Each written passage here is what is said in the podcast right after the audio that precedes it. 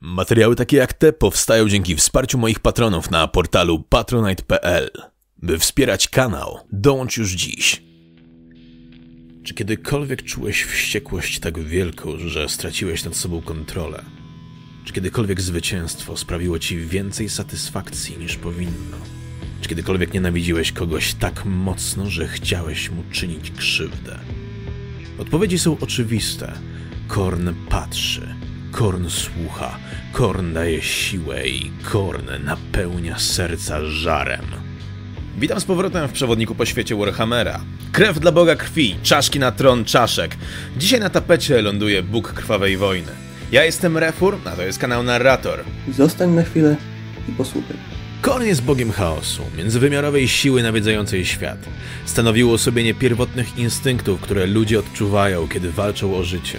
To Korn jest pierwszym kamieniem uniesionym, by zranić. To on jest brutalną bójką w ciemnym zaułku, wywołaną różnicą zdań. I to on jest potyczką wielkich chówców na krwawym polu bitwy. Każdy moment przepełniony wściekłością, każda przelana krew karmi jego jestestwo. Jego domena to brutalność, nienawiść i gniew. Ale również, co ciekawe, honor i odwaga. Korn nie czerpie siły ze skrytobójstwa. On napełnia serca tych, którzy z odwagą stają z przeciwnikiem twarzą w twarz i raduje się, gdy krew zostaje przelana. Jak to jest być kultystą Korna? Dobrze czy piekielnie dobrze? Wyznawcy używają również imion Karnet, Lord Mordu, Krwawy Bóg, Akar, Kjorn, Korgar czy Wilczy Ojciec, jednak tak naprawdę jest tych imion tyle, ile norskańskich plemion. Korn znajduje swoich wyznawców pośród wojowników północy, jak i żołnierzy cywilizowanego świata, ale również modlą się do niego osoby, które po prostu w danym momencie potrzebują siły. Ludzie ciemiężeni i w beznadziejnej sytuacji. Problem leży w tym, że błogosławieni nie zawsze wiedzą, że proszą o pomoc Korna, który czasem wypełnia modlitwy skierowane do Sigmara czy Ulryka. To łaski zsyłane przez Korna pozwalają stanąć na równi ze swoim przeciwnikiem. Korn błogosławi wszak fizyczną potęgą, zdrowiem, umiejętnościami walki. Jednak im głębiej zakorzeniona jest wiara i potrzeby, im częściej wyznawca prosi o pomoc, tym bardziej będzie się oddawał postępującej żądzy krwi.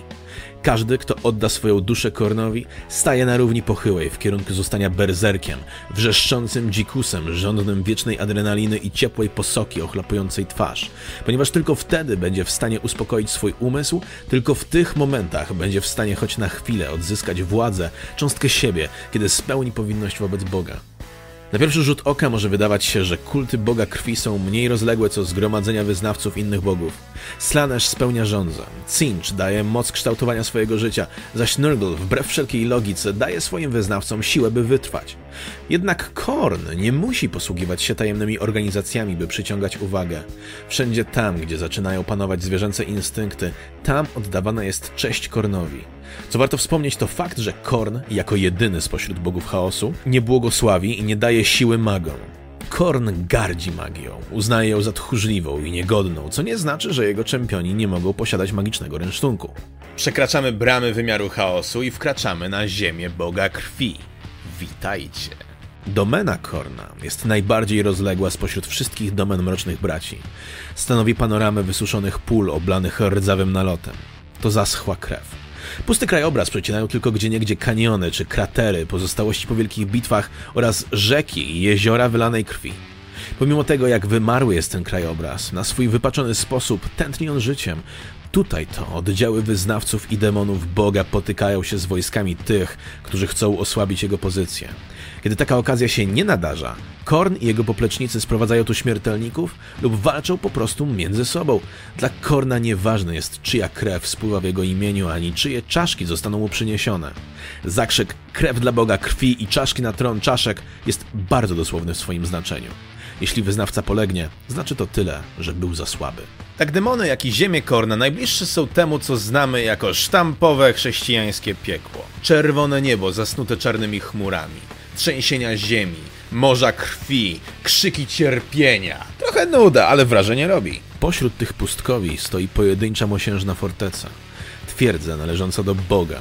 Jej grube ściany pokryte są warstwą krwi, a gdzie niegdzie pozostawione są zwłoki tych, którzy ważyli się próbować sforsować bramy.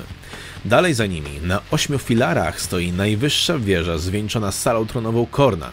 Trochę jak księżniczka na szczycie wieży. Nie, nie, nie, chwila, chwila, nie, muszę wyciągnąć ten obraz z głowy.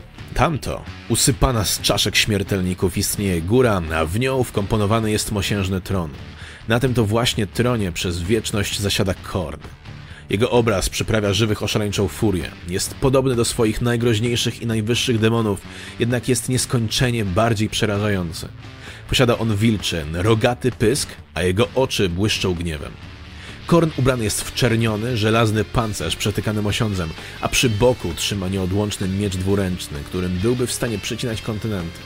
Na każdym palcu znajdują się pierścienie, niektóre przyozdobione jego runą, inne zaś czaszkami pomniejszych bogów. Podłoga pomieszczenia pokryta jest kośćmi, ale to nie wszystko, co znajduje się w sali tronowej.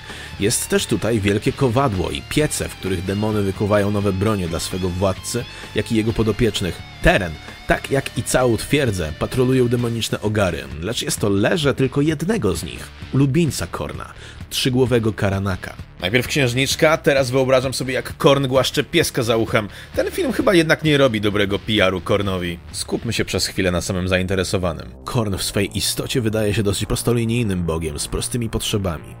Korn dąży do rozlewu krwi. Pożąda tego całym swoim jestestwem. Kiedy świat płonie, kiedy spogląda na krwawe pola bitew, kiedy wprowadza furię w serca, wtedy to czuje się on usatysfakcjonowany. Korn nie może być szczęśliwy na sposób, który rozumieją śmiertelnicy. Uosabia przecież furię. Na furii nie ma miejsca na uśmiechy. Liczy się tylko cel. Korn jako jeden z bogów chaosu ma swoje powody, by nie cierpieć innych. Oczywiście jest to Bóg wojny, dąży więc do konfliktu, jednak każdy z jego przeciwników w pewien sposób mu zaprzecza. Nurgle jest dla niego zbyt leniwy. Zamiast mierzyć się na polu bitwy, woli przeczekać, aż wszyscy się zarażą. Cinch jest słabeuszem, który knuje, chowa się, zamiast zmierzyć się twarzą w twarz. Slanesh natomiast mógłby na pierwszy rzut oka wydawać się najbliższy Kornowi. Wszak lubuje się w zadawaniu cierpienia, jednak jest mu tak naprawdę najbardziej odległy, ponieważ wszystko, czym jest Slanesh, jest dalekie od czynów odważnych czy honorowych. Dekadencja i perwersja nie wynika z okoliczności jak gniew, lecz z potrzeb gratyfikacji. Cierpienie, które zadają kultyści Slanesha nie wynika z furii, lecz z sadyzmu. Nic więc dziwnego, że ta dwójka bogów najbardziej się nie lubi. Ostatnie, o czym warto wspomnieć, to to, że Korn ma swoją cyfrę i jest to cyfra 8. Można to zobaczyć zarówno w sposobie organizacji jego armii, jak również w ośmiosylabowych imionach każdego z jego demonów. To tyle na dzisiaj. Mam nadzieję, że się dobrze oglądało. W opisie znajdziecie zwyczajowo linki do Patronite'a, fanpage'a, Instagrama i innych, jak na przykład sklep z gadżetami.